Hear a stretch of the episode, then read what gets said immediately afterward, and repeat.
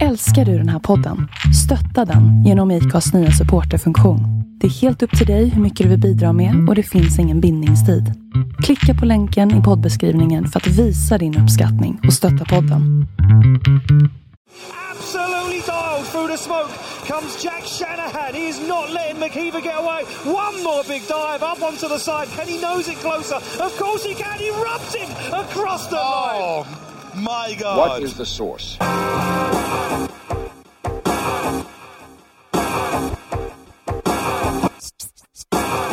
One, two, three, set it!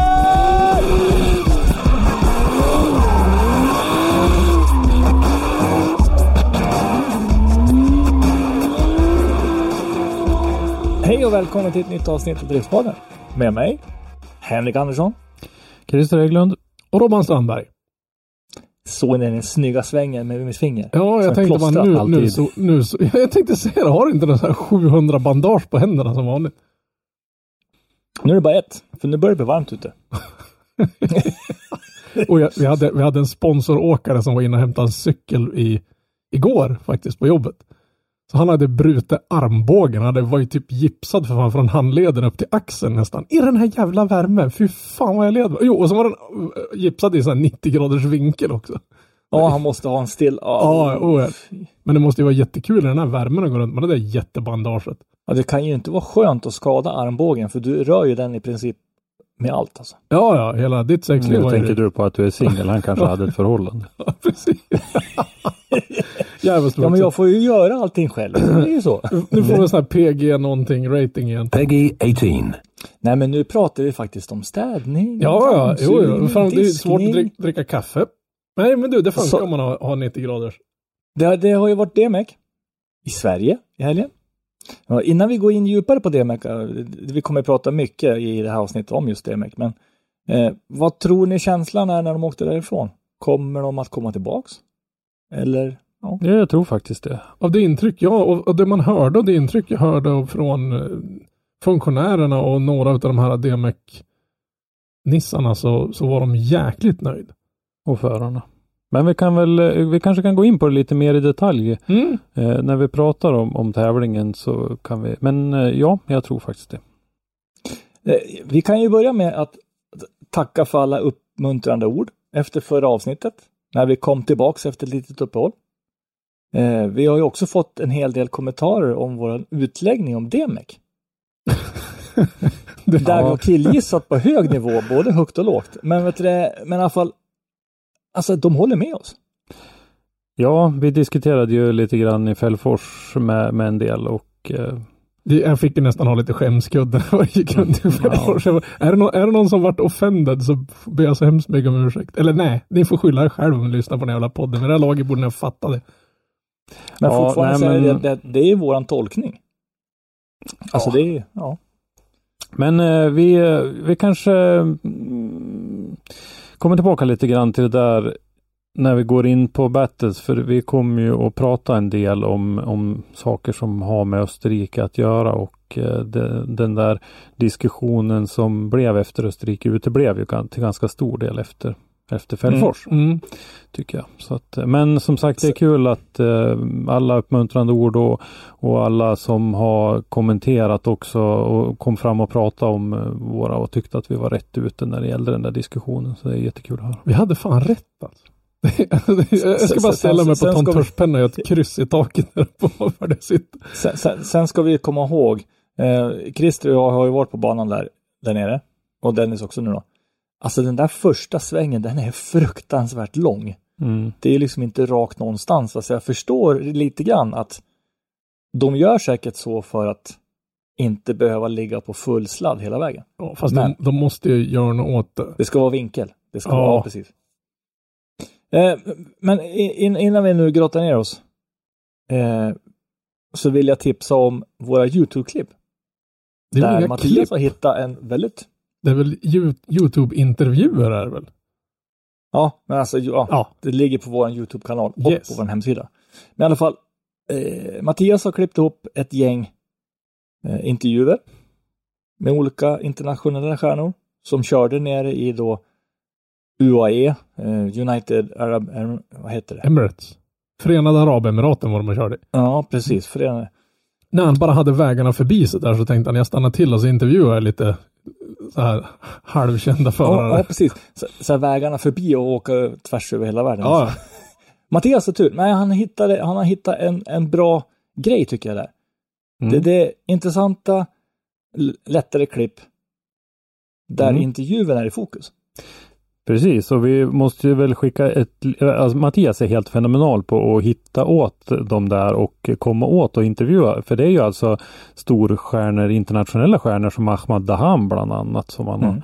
har eh, fått intervjuer med. Och så har han ju också då fått lite hjälp av eh, Josef Al-Herrais eh, som ju är lite bekant för många svenska driftingintresserade. Han har ju varit på gatubil flera gånger och han har ju eh, hjälpt oss i olika konstellationer med intervjuer och, och lite grejer och sådär. Och Josef är den som utför själva intervjun också då, nu med de här förarna så att det är superintressant. Så att eh, håll gärna koll där på, på vår Youtube-kanal för att få se de här.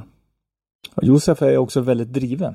Oh ja, oh ja. Han, är, han är jäkligt bra och- på att intervjua folk. Det, det är riktigt, riktigt intressant att, att kika på dem där. Och nu har, var det som sagt var Ahmad Ham som man hade pratat med om hans nya S-chassi han har byggt och sådana grejer. Så det, nej, det är faktiskt riktigt, riktigt intressant att höra. Det är nästan så vi skulle höra. Det är lite tråkigt att det är så kort. Det skulle ha varit typ en, en två timmar och så ett besök i garaget och sådana saker. Men man vet aldrig, det kanske kommer det. Mm. Ja, det kan ju komma. Men, men i alla fall, eh, alltså, gå gärna in och kolla på dem. Eh, följ vår Youtube-kanal. Då får Ja. ni ju direkt notis om det. Eller via hemsidan går ju också. Ja, gå gärna in och prenumerera på, på våran YouTube-kanal där. Vi har väl, vi har inte satsat speciellt jättehårt på att pusha folk dit, men det vore ju kul om vi kunde få ihop så pass många så vi slapp heta typ youtube.se slash och så någon halvobskyr rad med random siffror och bokstäver. Va? Det vore ju kul att heta youtube slash motorsportmagasinet någon gång, men då måste man ju ha x antal prenumeranter tror jag. Jag är, jag är för dåligt Ja. insatt i det där, men Ja, nej, det, det, ja, du Ja. måste bli större fall. Yes. Och sen, sen måste vi andra också få den ena kroppsdelen ur den andra kroppsdelen och gå ut och, och bidra och hjälpa till vi. Och vi kan inte bara räkna med att Mattias ska göra allt videojobb. Nej, nej, nej, nej. Så skäm, Nej, skäms men- på oss. Men i torsdags, då åkte ni två upp till Fällfors. Det gjorde vi. Och Ja. eh, jag som har valt att åka i en fransk bil. Jag hade ju ingen egen bil men då hade jag ju som tur så att Robban var snäll och lät mig åka med i hans svensktillverkade bil. Japp. Eller min frus svensktillverkade bil eftersom jag åker någon sån här, jag vet inte fan vart min bil tillverkas. Ja, Ja, nej, så att vi åkte upp till eh, Fällfors eh, torsdag och det var varmt. Jag är ju en sommarälskare som jag har berättat många gånger och tycker att det är fantastiskt härligt med sommar. Eh, vi satt i 19,5 grad i Volvon och eh, sen så skulle vi in och småhandla lite grann på Coop i Skellefteå och klev ur bilen och det kändes som att få Mike Tysons knutna näve rätt i ansiktet. alltså det var, det var det var var- med var- baklänges alltså. Storväggen som liksom... Ja, men alltså, det- Ja visst. vi sitter i 19, komma någonting, 19,5 för det är bara idioter som har hel temperatur i sina bilar. Och så kliver man ut och så är det typ 35 grader i skuggan och vi klev ut i Ja, sol. över 30 var det alla gånger. ah, det var helt, var det. helt sinnessjukt. Men, men vänta, vänta, vänta nu. Det gick inte att Tre- andas liksom. Över 30 grader, I Skellefteå. förbannat långt upp i Sverige. Men skojar? Så ringer man det hem och kollar med frugan, då är det kallare i liksom 40 mil söderut än vad det Ja, var det, var där ju, uppe. det var ju regn och sådär här hemma i Sundsvall. Men, men eh, vi kom upp i alla fall till banan och eh, checkade in på boendet lite och drog vidare till banan för att kolla eh, läget eh, där och eh, lite depåmys så här som vi gillar på eh, kvällen innan. Och eh, gick runt där och tittade på anläggningen och det är ju en fantastisk anläggning. Helt klart. Eh, Ja, det skulle vara väldigt stort. Alltså det... Väldigt stort, absolut, så att vi fick eh, man fick ihop stegen på stegräknaren utan problem Ja, de där dagarna. Och eh, så tittade vi lite grann, det var ju en depå, en, en lång raka då med, med depåplats. Och så sen så var det en garagelänga där ganska många av svenskarna höll till och en del av storstjärnorna, Dean, bröderna Shanahan, Piotr. Kiever, Piotr Wiesek eh, och så i princip alla. Och det var väl bara Joens och eh, Skogsby, och Skogsby som inte var där i tror jag. Ja, tror det. Va, va, alltså, det- ja, det ska jag låta vara inte riktigt Mm. hundra. Men, De som men, hade lastbils ja, ekipage med sig ville väl hålla till i, ja, i Vidom. Då. Eh, så vi gick runt där faktiskt och eh, pratade med en del och bildade oss lite uppfattning om eh, eh, ja, hur de kände inför helgen och sådär. det var, Tog det de var lite... pulsen? Ja, ja, men det var, det var lite nerver hos vissa. Mm. Och sen var andra var ju typ som att de skulle åka till Ica ungefär. Alltså det, det var, en annan skulle vara så nervös som man är typ kräkt så fort man öppnar käften. Men, men Det, det som var intressant just med Fällefors här, det var ju att det är väl egentligen, är, är det någon som var med som faktiskt har testat banan? Ja, Jim Olofsson var ju där och körde uppvisning på eh, STCC. Men eh, det var ju inte riktigt samma bansträckning. Men han har ju varit där och Testa underlag, ja. Men anna, annars har, kom ju alla upp med helt blankt papper. Ja, ja. Jo, men Ja. i, ingen hade ju sett, kört den här exakta bansträckningen. Även om den fysiska asfalten låg kvar så, så var det en helt ny, de kanske satt zonerna på andra ställen och sådana saker. Och det var Ja, ju ja, faktiskt, en del hade ju problem. Till och med din var ju av ordentligt. Ja, faktiskt. Det, det kan jag checka av från min lista nu. Att Ja. nu har jag en rejäl avåkning med James Dean på, på foten. Jag, Det var- jag var tvungen att slänga upp en bild av det av så här saker man inte ser så ofta. Och det var inte så att han Nej. var bara av med ett hjul, utan det var snudd på att han tog sig självmant tillbaka på banan. Men det är nästan sån där bucket list avbockning alltså. Ja, han var nästan lika långt ut som Hartman som skrämde ju. Det var ju nästan så här ett, ett ögonblick man var tvungen att gå och byta kalsonger ett tag där när han gick av banan. Och det, när man såg alla fyra hjulen var låst och bilen saktade inte in ett förbannade nå, så är det en stor mur där. Men någonting fick han fäste i så han kunde väja undan där. Ja, det hade slutat illa. Ja, Och, en, och, och en annan då fick ju jobba 05.17. Från tisdagen fram till lördag förmiddag. du behöver ett nytt jobb. Är det ingen som har behov Ja. av Henrik? Är det någon, är det någon En, i, en stor Henrik. är så. Ja, men alltså någon jävel må ju ha ett vettigt jobb, det där ju också. Ja, det börjar bli mycket tid nu. Ja, vi eh, som sagt eh, myste runt där i alla fall lite grann på torsdag kväll. Vi eh, drog ut eh, Pontus Hartmans bil och plåtade den. Eh, vi glömde ju att säga det att det var inte bara du och jag Robban som var där utan även Dennis Flink Oh, ja. var där. Eh, Greven var med också.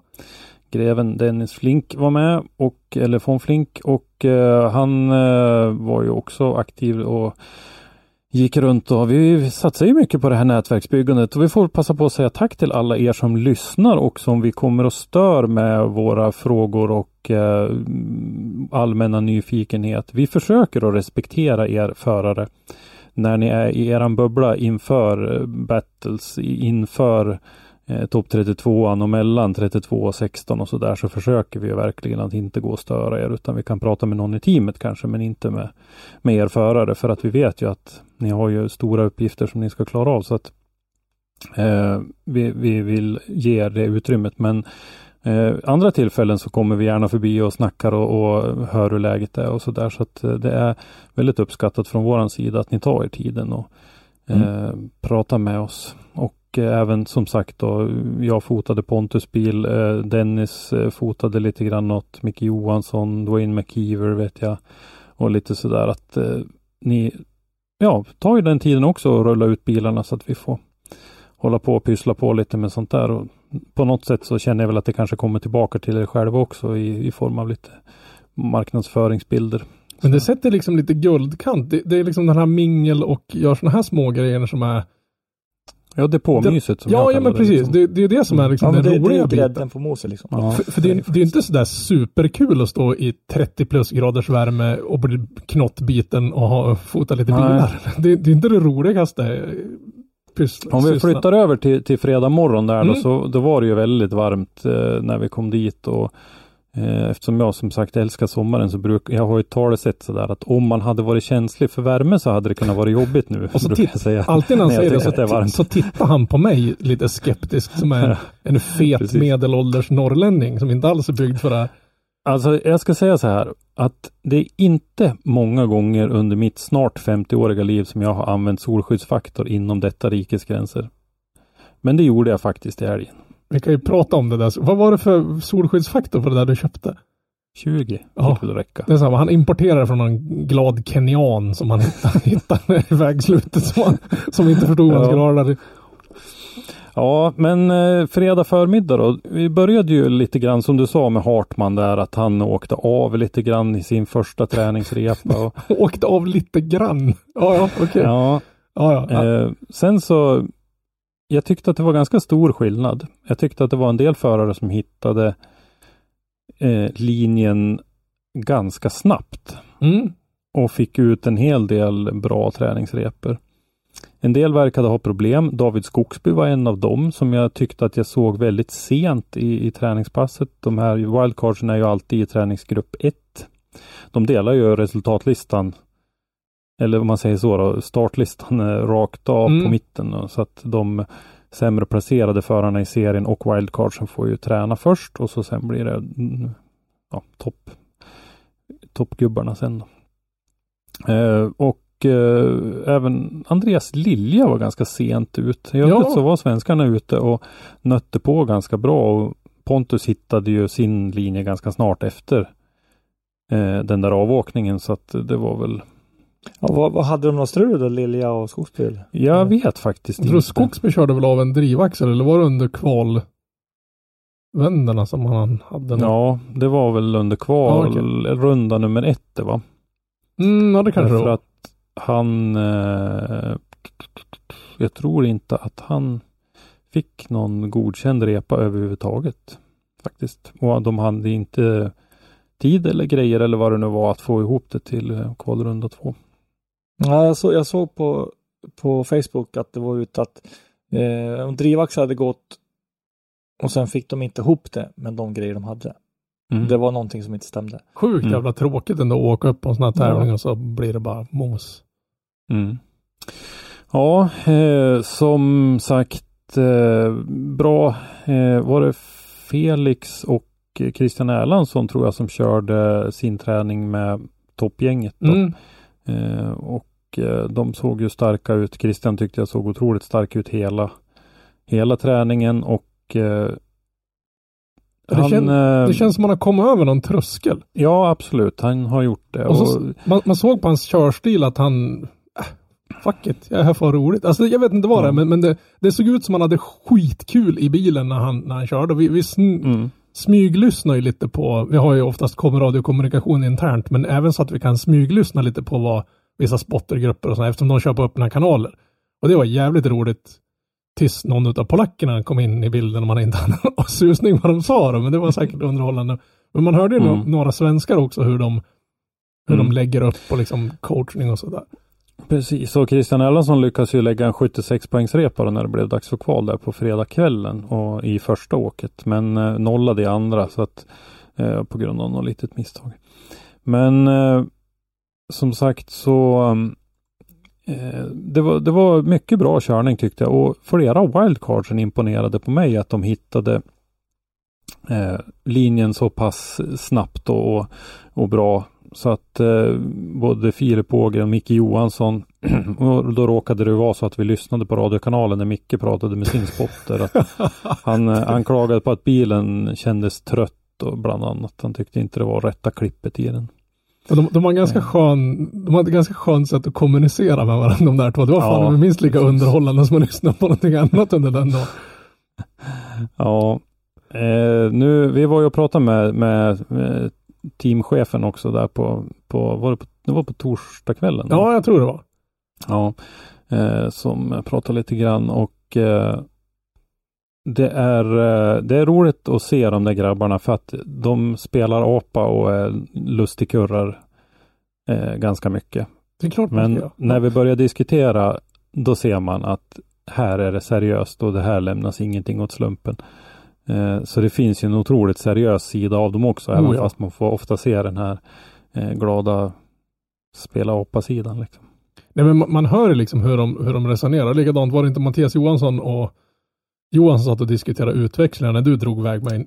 När det började, Jo, nö- ja. ja, Jocke, när- det började nörda Mm. ihop totalt, då ville Dennis och han gå. Det var då liksom den här superintressanta diskussionerna kom. Så jag hamnade ju lite efter, för jag ville stå och lyssna på deras eh, diskussioner om utväxlingar och växellådor och grejer. Det, lät, det var riktigt, riktigt roligt. Mm, ja, de hade lite, lite diskussion för de hade väl svårt tror jag med att få utväxlingen Ja, att ja. Han sa väl. Mattias sa väl att han hade en sjukt lång etta och så har väl han just bytt till en, någon quick change bak axel också, eller diff också, så att det var väl lite, lite nytt Ja, där precis. kanske som man måste komma över och få någon Ja. ordning på så att säga. Sen kanske han inte Ja, hade tillräckligt många ja. utväxlingar med sig och så vidare. Nej, obekräftade uppgifter som vi hörde av någon annan var ju att eh, han väl egentligen kanske bara hade den utväxlingen som Mm. följde med. Eh, Eh, De sa ju det på liven att det var en väldigt snabb bana. ja, jag den var tänka- väldigt snabb. Så jag kan tänka mig att eh, har man inte rätta utväxling, då blir det problem. Men snabbast Mm. bil hade väl en medelsnittshastighet på 100 km i timmen. Och då har du ju två sektioner på den här banan, framförallt sista kurvan som det går, Där det går jättelångt. där det är liksom promenadfart. ja, Så hur jävla absolut. fort gick det inte fram dit då? Mm. Ja, nej som sagt. Eh, bra kört av svenskarna. Eh, vi pratade lite grann innan om att Jim Olofsson skulle få det lite tufft med sin bil. Jag tyckte väl att vi fick ganska rätt i det. Det kändes som att där var det dels utväxlingen och dels tror jag det saknades lite motoreffekt mellan eh, Mm. vad- blir det då? Ytterzon 2 och 3 va? Ja, det är borta vid bankingen om vi kallar den för det. Ja. Där, där fram, det fram till bankingen. Och nå, för där var det, det var en ganska lång bit där mellan de Ja. ytterzonerna. Och där kändes det som att den inte riktigt räckte till. Ja, det hade ju varit, det kom ju en regnskur där och den hade ju varit, det hade ju varit makalöst om den hade kommit när, när han skulle ut och, ut och kvala. För jag tror att han hade blivit lite hjälpt av att det hade varit lite halare och regnigt Ja, eller om man bara hade haft lite stolpe in-tur. För Mm. att eh, i kvalet och så kom ju Jim på 33 plats på samma Ja. poäng som 32an, finländaren som var 32 men med en sämre andra runda då. Och Eh, hade Jim kvalat in, om inte om fanns, då hade det blivit en helt annan sak. Därför att det kom ju en regnskur som sagt när elimineringen drog igång. Och en eh, Jim Olofsson på en regnvåt bana mot en eh, Piotr Wiesek eller Jack Shanahan i det där fallet. Lycka till. Det hade kunnat blivit spännande. Det hade faktiskt. blivit Mm. fruktansvärt spännande. För då eh, spelar det där med, med effekten och utväxlingen. Effekten ingen roll och utväxlingen betydligt mindre roll. Jag tänkte säga äv- även att det är halt och kallt men, men irländare och, och, och company har nog kört när det varit blött på backen de också. För de brukar säga Jo. i Egan att det var, det var en kul dag den där sommaren när det, när det inte regnade ungefär den en, enstaka dagen. Mm. Eh, de svenskar i alla fall då som inte kvalade in eh, men tog poäng var Pontus Hartman, Linus Joensuu, Jimmy Gustafsson, Mattias Johansson och Jim Olofsson. Då. Eh, lite synd tycker jag, speciellt för de här eh, lokala killarna då som Mhm. var på sin hemmaplan. Jimmy, de sa ju i liven, vi har ju flaggat lite förut att man ska inte tro riktigt på allting de säger i de där livestreamarna. Och, och bland annat sa ju Dave Egan att nu är vi så långt upp i Sverige så den förare som är närmast hit är en finne. Och det var ju kyss mig i mitt feta arsel kan jag ju säga. Nu, för att, nu, eh, nu kliver vi i geografi. Nu hej och välkommen till geografitimmen med Christer. Ja, va? Ja, Jimmy ja, Gustafsson är bor ju i. Piteå faktiskt. ja, det är bara runt hörnet med de här måtten. Det var ju bara runt hörnet som sagt. Så att någon finne som hade närmast var det inte frågan om i alla fall. Mattias och, och Jim har inte superduper långt om heller faktiskt. Nej, och sen så är det att jag menar, nej. vi har, vi har, Inte ens om du tar fågelvägen så blir det närmare. Men de sa ju, även under, under, under liven så kallar de ju någon, någon, någon finne för local hero och såna grejer. Ja, det hörde jag också.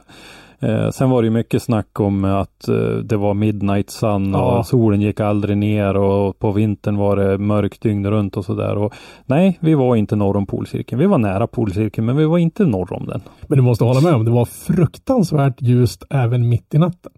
Ja, Du hade nog, och, och, när, när vi for hem så här vid, vid ett på natten så det var fortfarande DRL-belysning på bilen. Den slog inte på några nå vanliga framlampor utan de fick man slå på själv så man kunde dimma ner instrumenteringen. Ja, eh, det var väl ett kort sammandrag av fredagen. Vi har ju gjort ett avsnitt med Felix Lindvall Mm, det var och eh, riktigt Kristoffer Holm. Det var, Det var riktigt här- kul att de tog sig tid och tack Felix och Kristoffer igen att ni tog er tid att vara med för vi vet ju som Ja, sagt det att det är att få, stressigt. få med eh. Ja.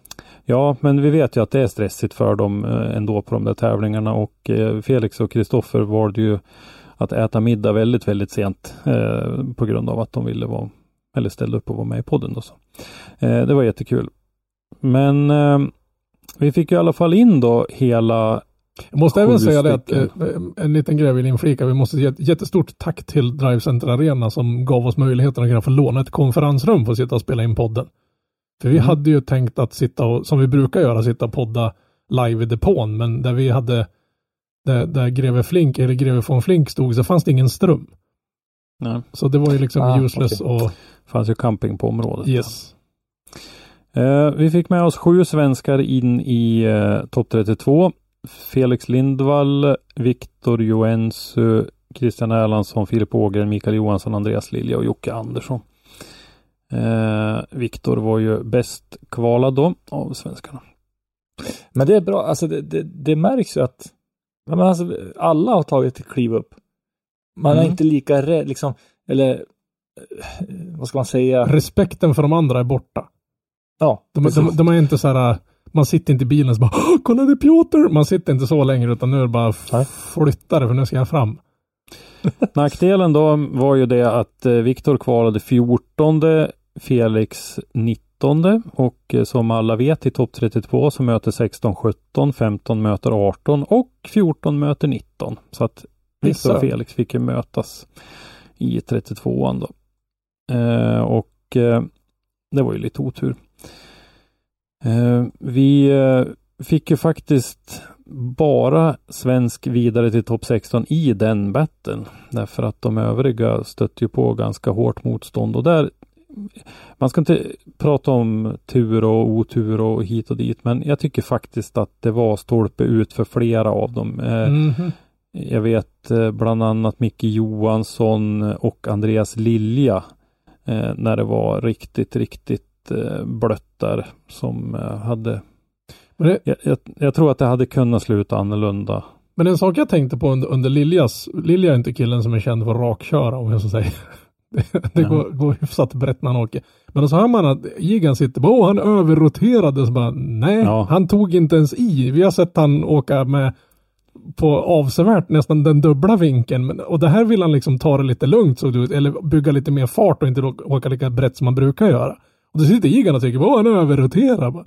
Så det blev väl Mm. lite, han, Igan borde vara välkommen ner på en gatubil eller någonting sånt här. Ska man se på folk som åker på tvären på ordentligt. Åke berätta. Ja, Ja, eh, sista Ja, träningen. eller, och- eller komma på en svensk ja SM-deltävling. men, och ja, Det- vi men bara se, se svensk drifting att se hur jävla brett det går liksom. Eh, sista träningen där på lördag förmiddag och innan eh, elimineringen drog igång så var ju oturen framme då igen för Christian Erlandsson som ju eh, det var väl en kolvbult som gick av tror jag va? A la puta, esta no hizo one, tan, tan, tan, esta hizo otro.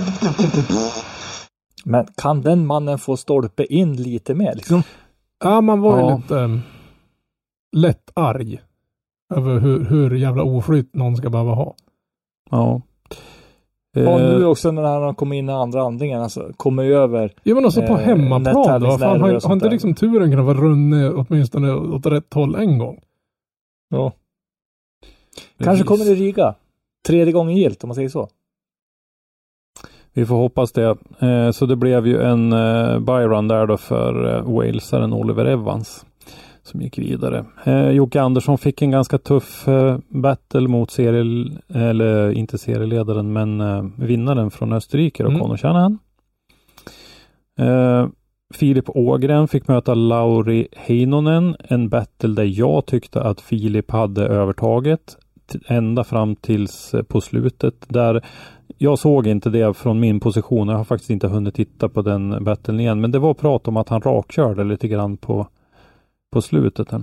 Jag tror han, han var lite hetsig så han kom lite för nära. Och, och när Heinonen skulle göra en, en, en övergång där så, så riskerade han att vara i vägen. Så han vinglade lite och i den vinglingen så vart det så att han var tvungen att rakköra. Får inte vara i vägen och göra en aspe och Mhm. skicka den andra av, av Mm. banan så att säga.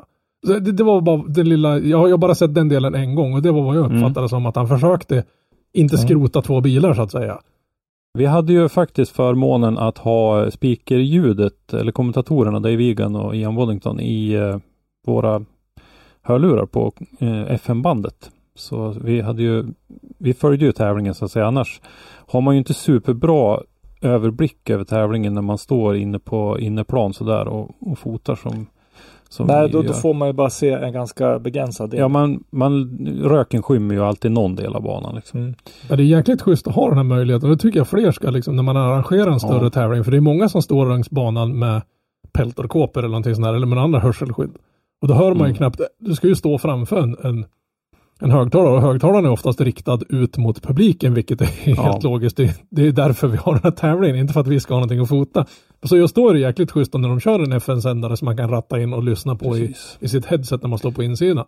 Och det där är ju vi bortskämda med som har varit på dragracing här på Sundsvall Oh ja. Raceway bland annat. Där är det ju ganska vanligt. Men det är väl nästan sänder- alla dragracingbanor har väl det. För där är ju folk utrustade med ordentliga hörselskydd. Ja. Men nu när vi ändå är inne och pratar på det här. Eh, kör man det via telefon då? Nej, det var, var det 89,0 FM, Ja. FM-bandet? Vi, vi hade ju ändå våra komradioapparater på oss och de har ju även möjlighet att ta emot FM-bandet. Så att Ja, då ja, då lyssnade rattar vi vår, ja, Ja, våra komradios och så sen då när, när det var någon som pratade på de kanalerna vi hade inställda så bröts ju FM-sändningen och så lyssnade man på. Men, men då kan man det kan man alltså göra på telefon också genom att ja, ha radioappen då. Eh, Hur fan funkar det? För du har ingen radioantenn? som- Nej, för det här går ju på väldigt det är väldigt Ja. lokal sändning. Jag tror inte du kan åka någon kilometer bort. här. Ja. Jag tror inte Mm. du kan åka någon kilometer bort. Men det är ju bara att köpa någon liten sån här 90 kronor radio på klasser Ja. som du kan Ja, ha ja. i. Ja, så att eh, det funkade jättebra i alla fall. Och eh, synd för Filip som jag tyckte gjorde en bra helg i övrigt. Som vi, ungefär som vi hade förväntat oss eh, faktiskt. Det var lite kul när de stod i depån också, de här grå lastbilarna. Mhm. De såg ju väldigt likadana ut. Det såg ju ut som nästan som ett, ett Formel 1-team med två sådana där riktigt eh, utrustade lastbilar. Den ena var Shanahans och den andra var Filip Åknäs. Men Philips lastbil var högre. För han kunde Ja, höja, höja sitt tak lite grann. Så väldigt till, man måste säga till att hans var fetare. Mm.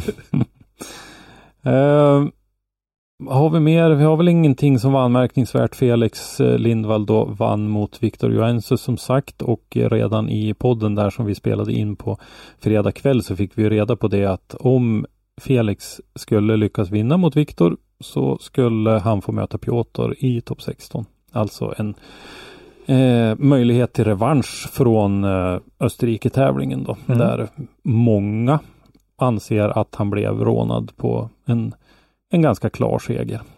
Det känns ganska skönt när man, när man tydligen så har ju fler än en lyssnat på, på min hissefit och jag kan ju tillägga att jag klippte bort typ en kvart kanske utav, för Mm. jag censurerar ner så ni slapp, ja.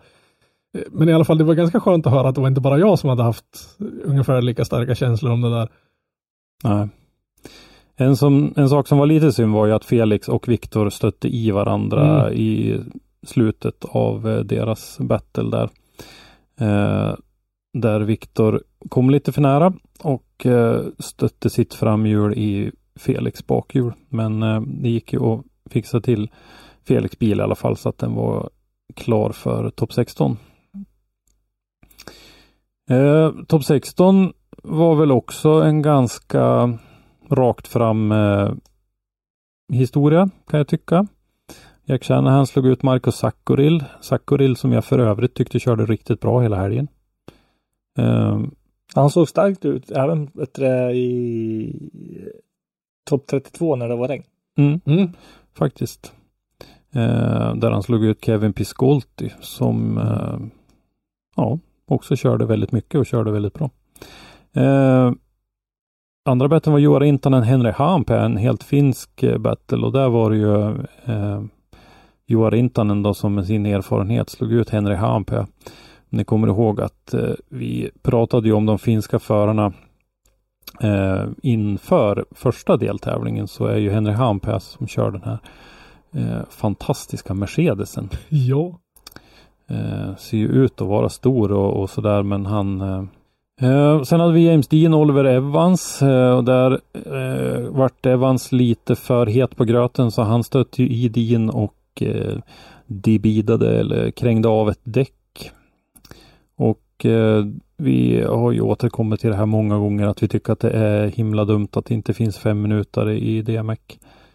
Eh, så att eh, då fick ju han for ju fram och ställde sig vid starten men han fick inte starta då i och med att han inte hade något däck på vänster fram. Det, Jag tycker varför inte ha då eh, i Sverige har vi fem minuter lika med poängavdrag. Men vi får, har ju fortfarande fem minuter. Mm. Varför inte ha något liknande liksom? Ja.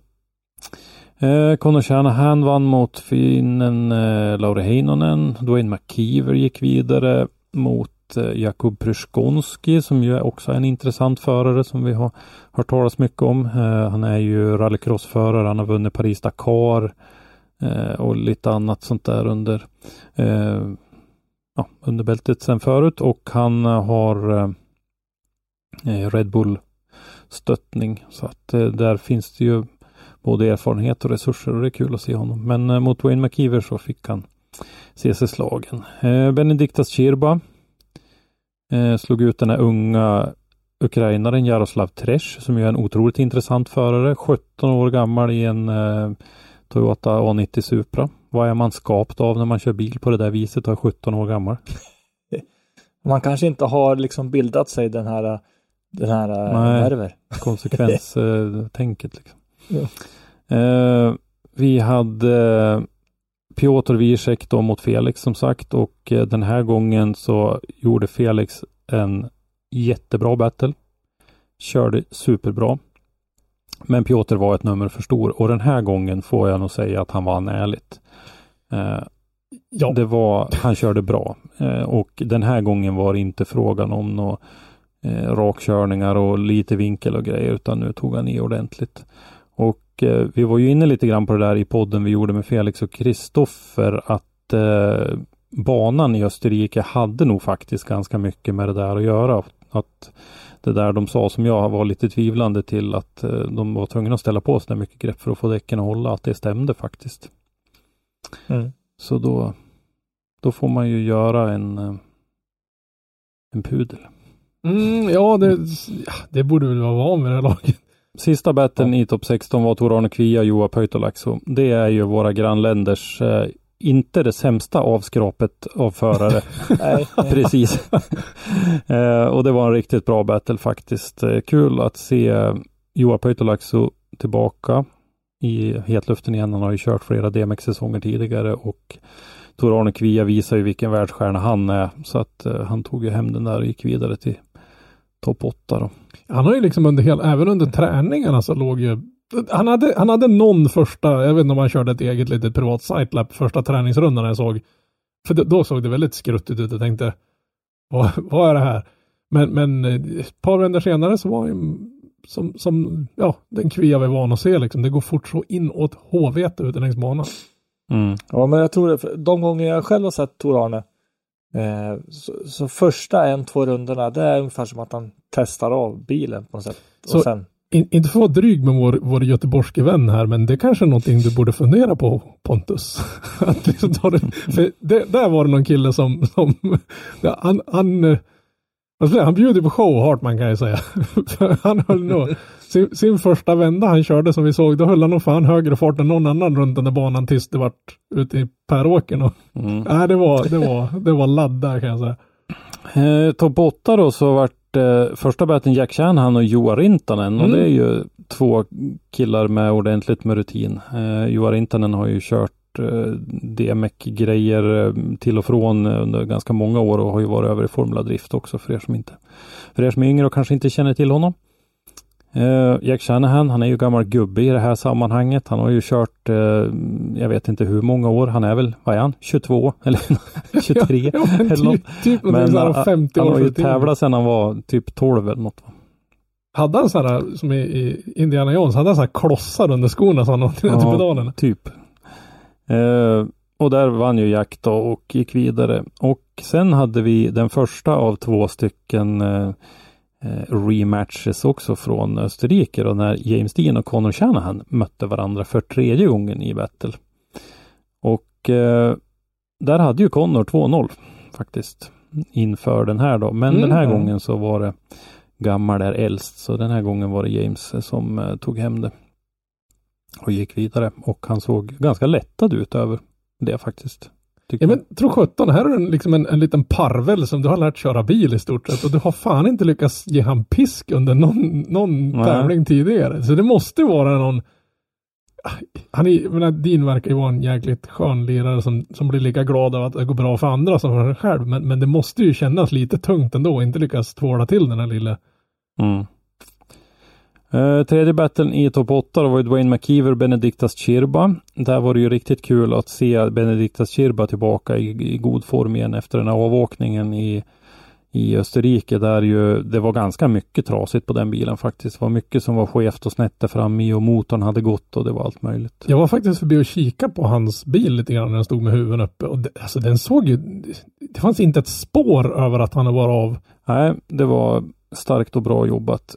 Sen hade vi ju en rematch till då eh, från Österrike där Piotr Wiesek och Tor-Arne Kvia möttes eh, i eh, topp 8 här då och de möttes ju i topp 4 i Österrike och som Mm. många säkert kommer ihåg så gick ju avgasvajern av. Gasvajern. Nej, har inte han elektronisk gas? Jag för mig att ha han hade, det var något elstrul som jag inte är helt ute och cykla som gör att han inte hade gas. Ja, vad heter det? Vi kan enas om att vara oeniga Ja. där. För jag har för mig att han, Han- sökte hans ett spjällhus hans- med mekanisk... Jo, men det kan vara så att om du har ett elektriskt fel och du inte får till det så kan du kanske nödköra med en mekanisk gas. Jag vet inte. Mm. Jag har aldrig Ja. byggt en sån där bil. Skitsamma, han hade ingen gas i alla fall. De eh, åkte på att möta varandra igen då. Och eh, den här gången så var det faktiskt Wierzek som var lite övertänd och eh, körde på Kvia. Och eh, då blev det ju lite grann av det här då. Det är ju alltid nackdel när det händer grejer så sent i stegen som sista batten i topp 8 därför att det är så otroligt kort tid kvar tills man ska battla igen. Men eh, i alla fall så rullade Kvia bort bilen på den här skämsplankan bort till hotpitten och där kom det folk springande med blå hjulupphängningsgrejer under armarna och i händerna och överallt. Han hade, Med- han hade lite att välja på ett tag där kan jag säga. Ja, precis. Vad, vad de kunde behöva för någonting för att få ihop det där igen. Eh, så att man lyckades ju faktiskt eh, få ihop Kvias bil och man gjorde hjulinställning och grejer. Man, det är ju så när man blir påkörd och, och inte är vållande i en sån här gång så får man ju det man brukar kalla för skälig tid på sig. Men det är ju Mm. inte några 14 dagar man har på sig utan det är ju bara frågan om minuter i alla fall liksom för att hålla. Vad kan det vara? Typ, får man en 10 kanske? Ja, max. Ja, jag tror, jag, tror, jag tror de har sagt någonstans att det skälig Ja. tid ligger runt 10 minuter. Men han, Ja. men han hade ju lite tid till godo till och med när han var färdig och rullade ut. Det var inte så att Ja. det hängde på, på några sekunder utan han hade ju nästan kunnat tryckt i sig en glass och åkt ut. Det, alltså hur man hinner med det där, för det small ju rätt bra. Mm, det gjorde det. Absolut, men det är härligt att se också att det här med driftingfamiljen som vi pratar om, det, det gäller inte minst eh, lika mycket uppe här i, i yppersta elitnivån, liksom att här, här hjälper vi varandra. Men var det inte någon av Shanahan-bröderna som var med och hjälpte till och såg till så att den här bilen kunde komma ut på, på banan så han kunde battla mot hans bror? Visst var det något Jo, sånt? jo, det var väl lite så. För det hade ju varit några- lättare att stå där och tycka, nej men du ska ut och köra mot brorsan, mig får du inte låna några delar av. Men Mm. det är inte så det funkar helt enkelt. Nej. Precis. Nej, så det blev ju faktiskt då en, eh, en bra eh, battle. Där först så var det Jack Shanahan mot James Dean. Där Jack eh, drog längsta strået. Det var en riktigt vass eh, battle tyckte jag. Och eh, Jack hade ju visat redan på fredagen att han var i otroligt bra form med den där 99 poängs eh, kvalrundan. Även om vi kanske tyckte att det var någon poäng för mycket. Eh, på det vi såg då, men den var riktigt bra oavsett. Eh, och så blev det Dwayne McKeever och Tor-Arne Kvia i den andra topp 4 battlen och den gick faktiskt till en one more time. Eh, så att... Testade eh, du att prata med Dwayne McKeever där? Och Nej. Försöka liksom. Vi hörde Nej. däremot en intervju med han. ja, Och Det var därför jag skrev i den interna chatten, är det någon som kan texta? För nu, Becky, Becky Evans pratade ju lite grann med Dwayne.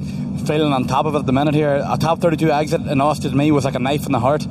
Absolutely uh, put me in such a downer to come here and qualify second on the level that I was at this weekend. Like I know myself that I it was it's I'm up there like so I know I know what I'm capable of. I'm so glad that I brought that back out myself again. Han, eh, hans, eh, ja, ska vi kalla det för dialekt eller vad ska vi kalla det för? Hans språk är inte så lätt att förstå. nej, Hans variant han förstår inte språket liksom.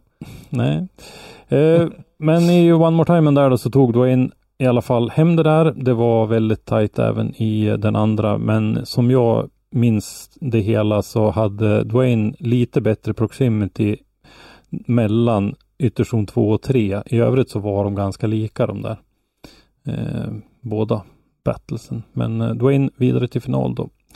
Så då fick det ju bli en eh, tredje pris eh, mellan James Dean och Tor-Arne Kvia som Kvia vann och det var ju då han eh, som Dean kramade om Kvia som du pratade om Robban. Han såg så glad ut för Kvias skull. Jag, hade, liksom- jag stod alldeles bredvid där nere för jag stod nedanför den här storbilds-tv-grejen och man såg liksom i, i Deans ögon att det där var inte bara show för för gallerierna utan han var minst lika hypad över att äntligen så släpper det för den här stackaren. Liksom. Mm. Men de, de har ju liksom, alltså de har ju alltså mött varandra så länge. Jo, jo, Men ja, ja, men precis som man såg Kvia, han, han hade ju tårar i ögonen för det här var väl kanske inte någonting han hade kallt räkna med att dänga upp en av världens absolut bästa förare. Om jag ska dra mig till minnes nu då ur, ur minnesbanken så är väl det här andra gången som Kvia står på podiet i Mm. eh, DMEC. Första gången var ju i Plots eh, 2018. Först första tävlingen då när Connor vann och fyllde 13 eller 14 eller vad han fyllde.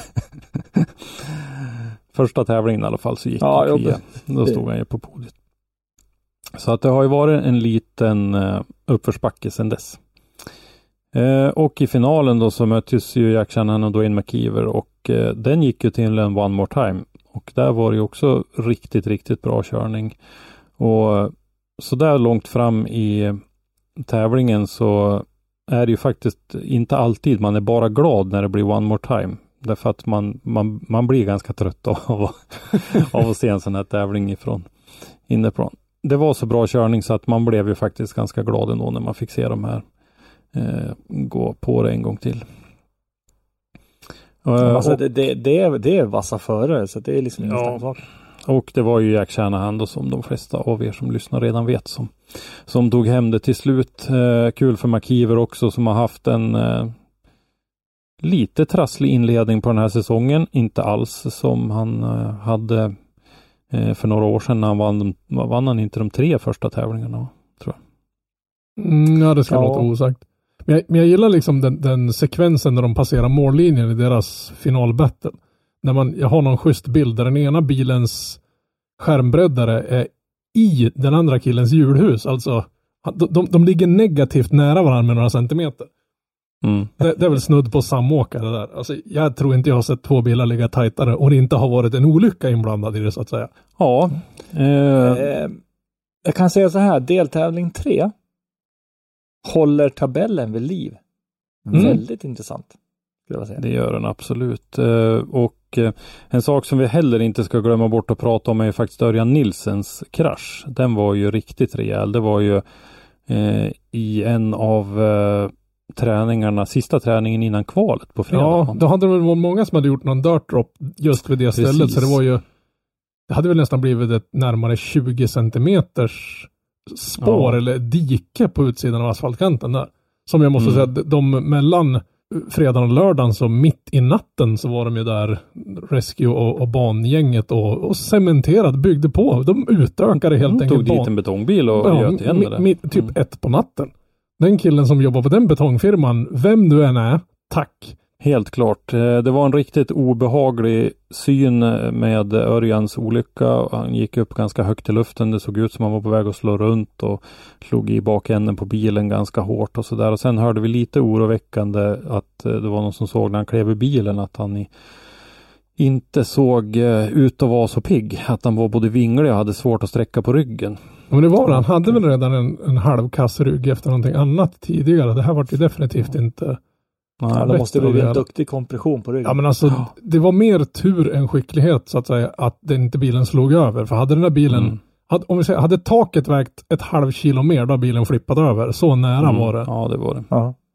Om eh, ni inte har sett bilderna på det här så kan ni gå in på Facebook på Driftmasters sida där och bläddra lite neråt så finns det eh, BC Media som bland annat samarbetar med eh, Drift Brothers eh, har, eh, hade en hel serie på det där så att man kan se. Han har även en Mm. onboard eh, GoPro footage från avåkningen också. Själv? Ja, Jag ska se om jag kan hitta igen det klippet. Jag, jag, jag delade det i våran grupp för någon dag sedan. Han hade slängt ut det och tackat för liksom att det hade gått så bra. Men Mm. där, där ser jag, alltså, jag vet inte hur Mm. många gånger vi har tjatat om det här med säkerhet, men är ni Mm. tveksam till hur, varför vi har så dyr säkerhetsutrustning? Se det klippet. Ja, det var en, en riktig sån där ont i magen eh, smäll faktiskt. Vi eh, gick ju runt och nätverkade lite grann också. Vi tittade ju inte bara på tävling utan vi försökte ju att Du menar vi gick runt som vanligt och surrade skit med folk? Ja, Ja. men jag tänkte det skulle låta lite okej, okej, finare. okej. Eh, en som vi pratade med som eh, var riktigt roligt att träffa igen för det var länge sedan var Pavel Korpolinski som jag lyckades honka som hastigast eh, och eh, snackade lite grann med honom. Vi, vi jobbar ju på att få till ett eh, avsnitt med Pavel, det kan vi väl berätta för er alla. Men ett problem är det som även gjorde att han inte var med och körde tävlingen och det är att eh, hans firma som bygger bilar har så otroligt mycket jobb och de har ju kundbilar då som är med i DMEC. Där eh, bland annat eh, David Karkoschik kör eh, den här FMIC-sponsrade S15 är det va? Som eh, Gregor Hypki körde Mm. förra året. Eh, så att eh, Pavel har helt enkelt inte tid att satsa på sin egen karriär just nu och det är ju jättesynd.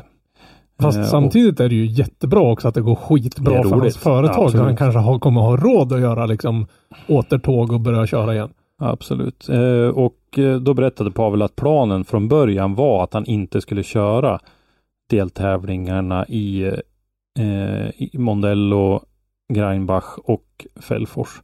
Men då hade han fått lite feeling och anmält sig till Greinbach ändå, så det var mera bara för att han fick lust och Han hade lite Hoppade. tid över helt enkelt. ja, hoppade i bilen och, och, och körde mer eller mindre. Men eh, sen nu då så är ju planen att de här tre återstående deltävlingarna i Riga, Ferropolis och eh, finalen i Polen då, de ska han köra för det. Det har varit planen hela tiden.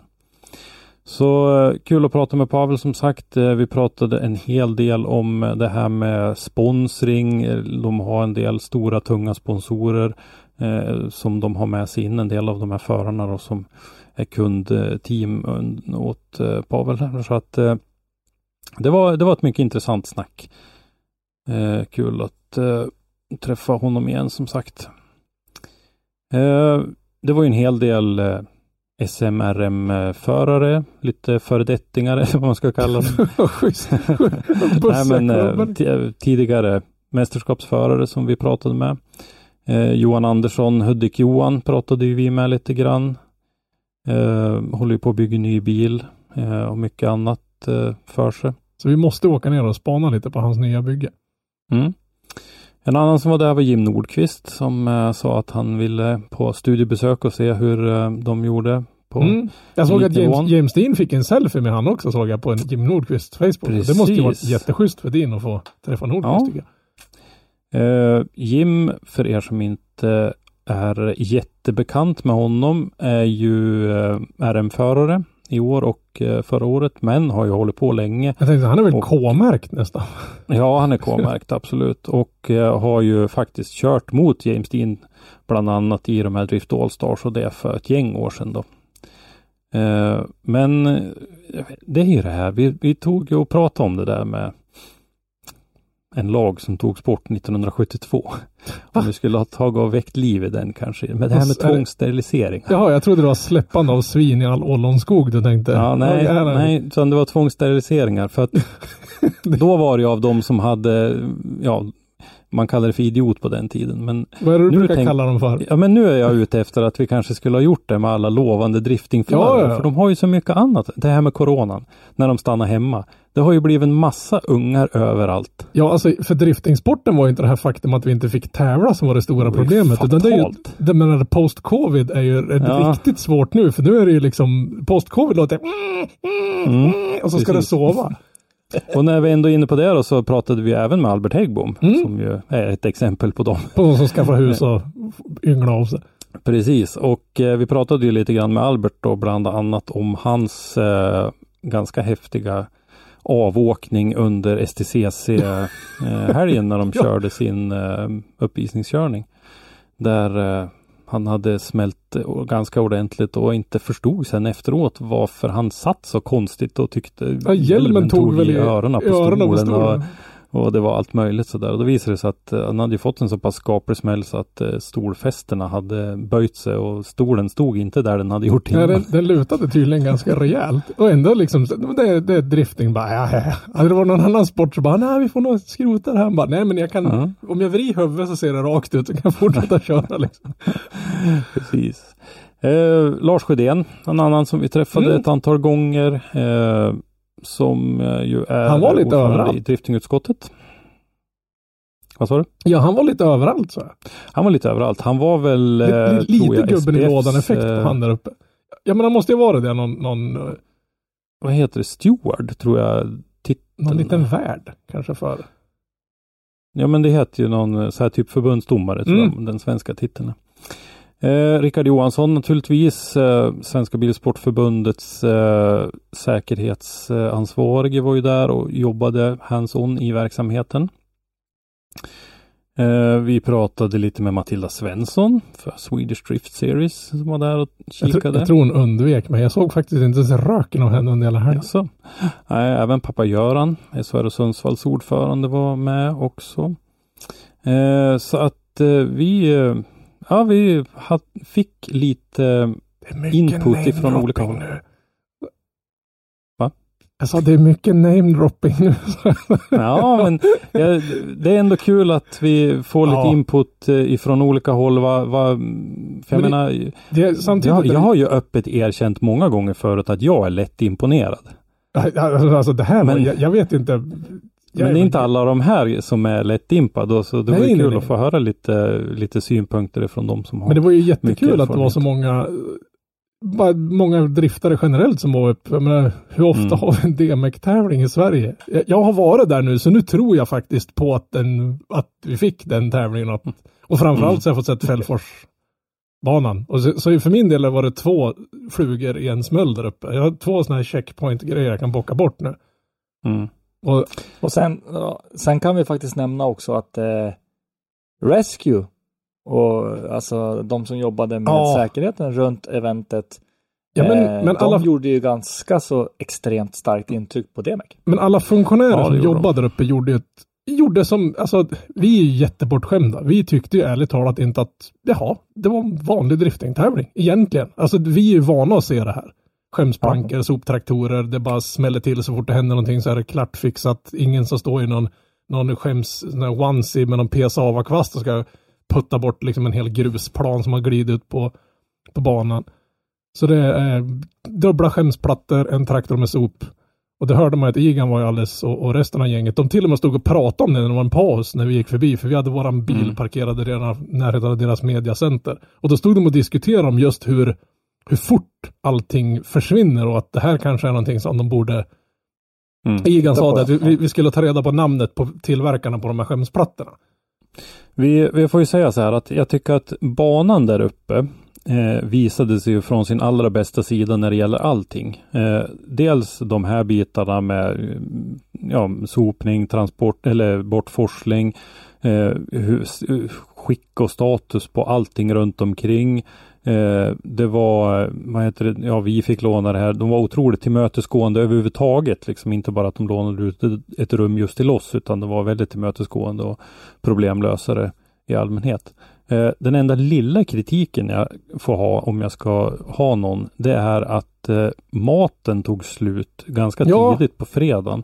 Och det var även lite halvdåligt med vissa grejer på lördagen. Och det tyckte jag kanske var en, en konstig grej. Men det eh, som sagt får väl vara den enda lilla eh, kritiken. För det, däremot så var det ett bra utbud. Det fanns De lite episkt- olika maträtter att äta. Episkt goda nudelwok, eller kycklingwok hade de som var helt... Precis, den woken var fantastiskt god och sen fanns det viltskav och det fanns eh, Ja, någon husmanskost och det fanns eh, ja men den vanliga hamburgare och sådär. Och sen var det ett företag som bjöd på kaffe. Oh ja. Och det var, det var ett, ett par kaffenördar. Jag kommer tyvärr inte ihåg vad de heter, men det var två stycken riktiga kaffenördar som var där borta och bjöd på kaffe. Så att banan, banan överhuvudtaget tycker jag visades från sin allra bästa sida. Oh ja. Christer får tyvärr lite, lite förhinder så han måste pipen sig iväg helt enkelt. Ja, li, livet kommer ikapp även i, i, i vanliga fall. Så att säga. Men, men eh, kort summering, det var en helt jäkla enastående helg där uppe, trots värmen. Jag hatar värme. Allt över 25 grader är helt åt helvete på ren svenska. Ja, men det är ju varmt oavsett var man är. Ja, ja, men det går ju inte att leva när det är så där varmt. Och de var ju schysst och ställde upp någon sån här litet tält på ett ställe där vi stod och fotade. Men det var likt förbenat 30 grader. Men man kanske inte ska klaga. Men det var en sjukt trevlig helg och det var fruktansvärt trevliga förare och det var jäkligt kul att surra lite skit med allihopa. Jag tror, jag tror ju att den arrangören kommer vi att få se mer utav. Jag, jag hoppas ju att de vart så pass nöjda så att vi, vi kommer att få en, en tävling till. Om, och förhoppningsvis där uppe om jag får, får jag bestämma så att säga så, så önskar jag att, att nästa gång det blir DMEC, nästa år så är de tillbaka igen där uppe. Sen har du det. Eh, banan var ju grym också, Ja, tycker jag. Alltså dragningen på zoner och allting. Jag uppfattar det som att den var lite svårkörd för en del. Alltså det var lite Ja, det är klart, på den här Ja. nivån ska banan vara svår. Det är ingen diskussion om det. Det här är liksom Ja. det bästa och det bästa. Det blir inte bättre. Ja. Får, FD får ursäkta, men ni är bara tvåa. Men ja, ska vi ta och Ja, vi lämnar väl DMX där. Ja, Eh, vi får väl tacka för att vi fick möjligheten att åka upp och, och håll lite ögonen framöver. Vi sitter, det vart ju ganska mycket, vi som var fotade där, jag vet inte hur mycket bilder de andra har, men jag kom hem med drygt 6000 bilder i alla fall från de här Ja, dagarna. men Så det har ni nog allihopa. Vi har väl inte riktigt hunnit, ja, vi har ju liv. Alla har inte semester så vi kan sitta hemma och redigera bilder. Det tog mig typ Nej.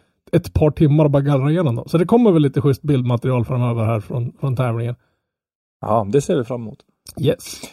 Det har ju också varit Goodwood Festival of Speed. Oh ja! Med, Där James Dean då såklart kliver in och så vinner han då driftkanan. Ja, fast den här driftkanan är ju mer en sån här plojgrej. Ja, uppe. jo, det det är, men det, det, det, det, om, vi, om vi säger så här, vill man se bra drifting så titta inte på den här. Nej, det, nej men det är uppvisning. Ja, ja men det här är ungefär som du blir inbjuden till något företagsevent och ska få sladda med bilen. Det är ju det det går ut på. Ja, ja. Men det, Men i alla fall, eh, ja, Goodwood är ju, det är så pass stort så att alltså toppidrottsmän, om man säger så, väljer ju hellre att åka på Goodwood ja, ja, ja. än att köra en, en mästerskapstävling. Men jag, jag Så tror ju inte att, att folk generellt utanför Lillbritannien, alltså Englandstrakten, har förstått hur fruktansvärt stort det här är. Det finns ju Mm. inte en, en bilfabrikant, men här fick vi under den här helgen fick man ju se en, en 7-8 bilar som kanske kommer att dyka upp i framtiden. Bland annat någon Polestar-bil som ska komma om x antal år och det var Ja, det är många prototyper ja, som visar sig. Ja, BMW släppte sin Touring, valde de Goodwood Festival of Speeds för första framträdande med den bilen och sådana saker. Mm. Och det är ju varenda stor känd racing och rally och alla, alla som är någonting och har varit någonting under de senaste, säger vi 40 åren inom bilsport och mc-sport var ju där. Mm. Bland annat eh, roadracingstjärna Wayne Rainey som, som råkade ut för en ganska kraftig olycka så han är lam från midjan och neråt. Hade de ju gjort, riggat ihop en motorcykel med en kudde på tanken, så, för han har ingen känsel ifrån bröstkorgen och neråt. Det vill säga han kan ju köra ja. motorcykel, det är ganska svårt. Men då hade de gjort det så, så att han kunde köra sin mästerskapshoj upp tillsammans med Kevin Schwantz och andra sådana här stjärnor från den tiden och köra liksom lugnt och sansat upp. För han hade inte suttit Ja, på en det, måste vara en skön känsla för en sån kille. Ja, Ja. men det var ganska, jag kikade rätt mycket på roadracing när, när han var aktiv så att säga. Det var ganska skönt att se att eh, takterna sitter ju liksom lite i och det måste ju vara ganska skönt att få, få möjligheten att klättra upp på en hoj igen. Mm. Och köra. Och sen har vi ju, ursäkta, eh, Goodwood Festival of Speed, det, det är lite grann som en backtävling. Ja, ja det, är, det är en hill climb så att säga. Ja.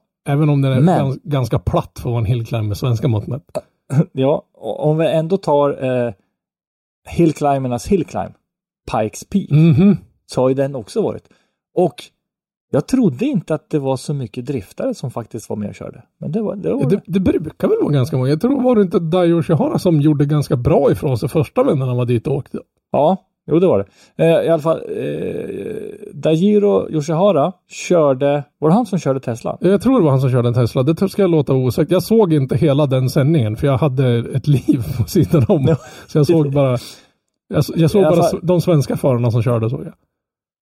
Ja, han körde i alla fall på fyra, fyra minuter och 12 sekunder. Ja. Eller nästan 13 sekunder. Vilket Eh. är i, i de här förhållandena, för de hade ju, det var väldigt dimmigt dis. Ja, och det till och med haglade precis. under den här helgen också. Ja, och då blir det ju halt och det går Oh, ju ja. liksom inte att spätta på så mycket. Eh, sen hade vi också Rice Millen Mm. som också är en väldigt, alltså vad ska man säga? Han har väl kört det mesta vid det här laget. Ja, han har ju kört, han har kört mycket med, med ja, drifting, Formula Drifting har han kört.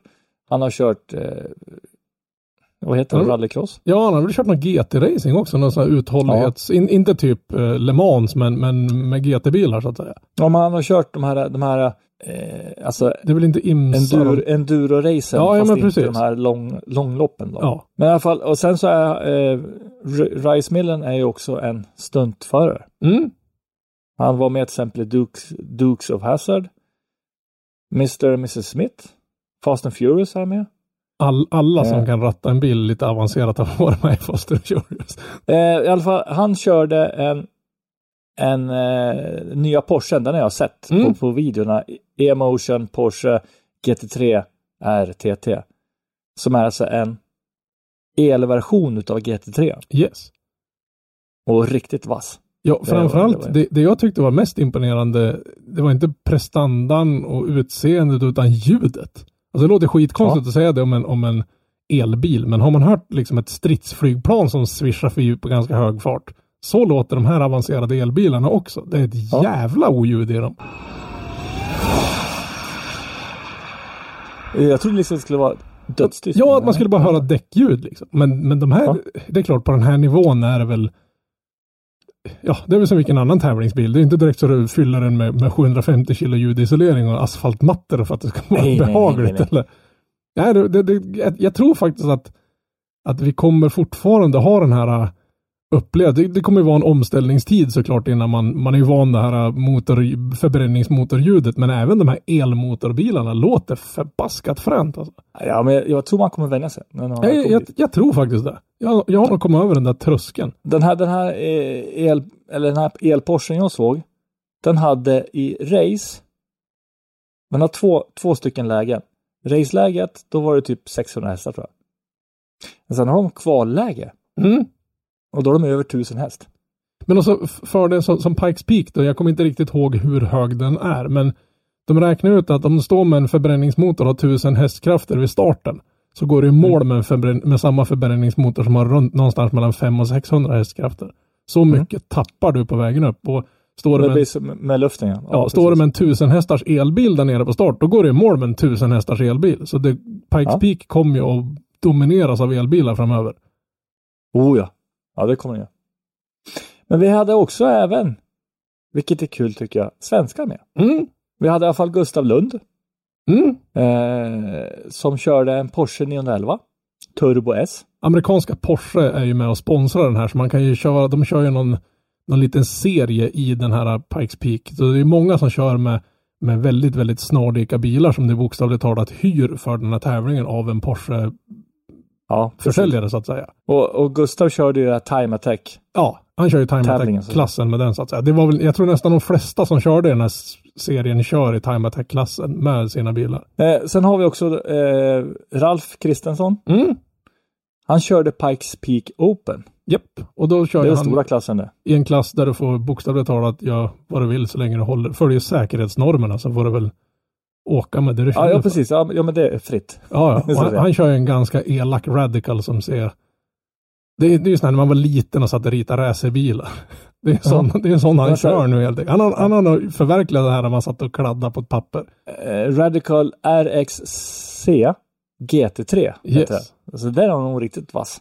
Ja, det, var, det var roligt att se, men jag, jag tror att båda svenskarna hade lite oflyt. Jag tror framförallt att Gustav hade något problem på vägen upp, för han fick en mycket, mycket sämre tid än förväntat. Men det, jag vet inte om det var vädret eller om det var någonting längs banan som strulade för han. Det kan ju vara någon inställning eller Ja. någonting som strular i bilen. Ja, jag, jag, jag tror det var någonting som hände längs banan som gjorde att han fick, för, för kommentatorerna också, även han i en intervju, hade en avsevärt mycket, mycket snabbare tid i, i åtanke så att säga. Hans kvalvända eller träningsvända var mycket, mycket snabbare än, än träningsvändarna. Eh, I alla fall, eh, om vi nu hoppar tillbaks till oss i vårt lilla fina land, Yes. eh, om man säger så, så har vi Driftbärs på lördag. Mm. Är det Eh, fort... Den nionde. Det går säkert, de vill ju helst att man föranmäler sig, det Mm. vill de ju. Men jag tror inte det, eh, det brukar vara mycket bilar och sånt där, men det, han brukar sällan ha, eh, så att säga, Instopp, tak. eller, ja, ja men precis, intagningsstopp så att säga. ja nej, så att eh, har man först tänkt att inte åka men, men beslutat sig för att åka så tror jag inte det är något problem. Åk dit och titta, Ja, ja, för sjutton. Eh, och med det så har vi faktiskt kommit fram till slutet Yes. nästan. The end. Vi har väl The end. Vi, vi har ju en grej och det är det att eh, följ oss. Glöm inte att följa oss på Facebook och Instagram. Eh, ni hittar oss under Motorsportmagasinet på båda ställena. Dagliga nyheter från motorsportvärlden hittar ni som vanligt på motorsportmagasinet.se. Där ni kan även handla t-shirts och massa annat kul. Yes. Nu vi har även beslutat att vi ska försöka hitta någon form av eh, parasolliknande paraplyer efter den här helgen som var. Ja, men det vore bra om man kunde ha pa eh, paraplyer som du kunde sätta fast på huvudet. Ja, jo men precis. Åh, jag måste kolla om jag hittar en sån Som har ett band så här, Paraplyhatt finns det ju. Jag måste se om jag hittar en sån. Ja. Kan, kan man ha den när man går runt och dricker sin paraplydrink? Ja, ja. Perfekt. Ja, i alla fall. Eh, ha det bra gubbar och tjejer, eh, tanter, gummor, gubbar, killar, ungdomar. Eh, ta det lugnt där ute så hörs vi nästa gång. Hej då! Hej då! Tack för att du har lyssnat. Lyssna gärna på våra tidigare avsnitt och glöm inte att ge oss betyg i din podcastapp. Har du ett ämne eller en gäst som du vill att vi tar med i Driftpodden så skicka oss ett meddelande på Driftpoddens eller Motorsportmagasinets sociala medier eller skicka ett mejl till oss på driftpodden gmail.com. I dagens avsnitt har du hört Henrik Andersson, Christer Hägglund och Robban Strandberg. Ljudpåläggning och slutmix Robban Strandberg. Driftpodden produceras i samarbete med Motorsportmagasinet och Powerslide Media AB och produktionsåret var 2022.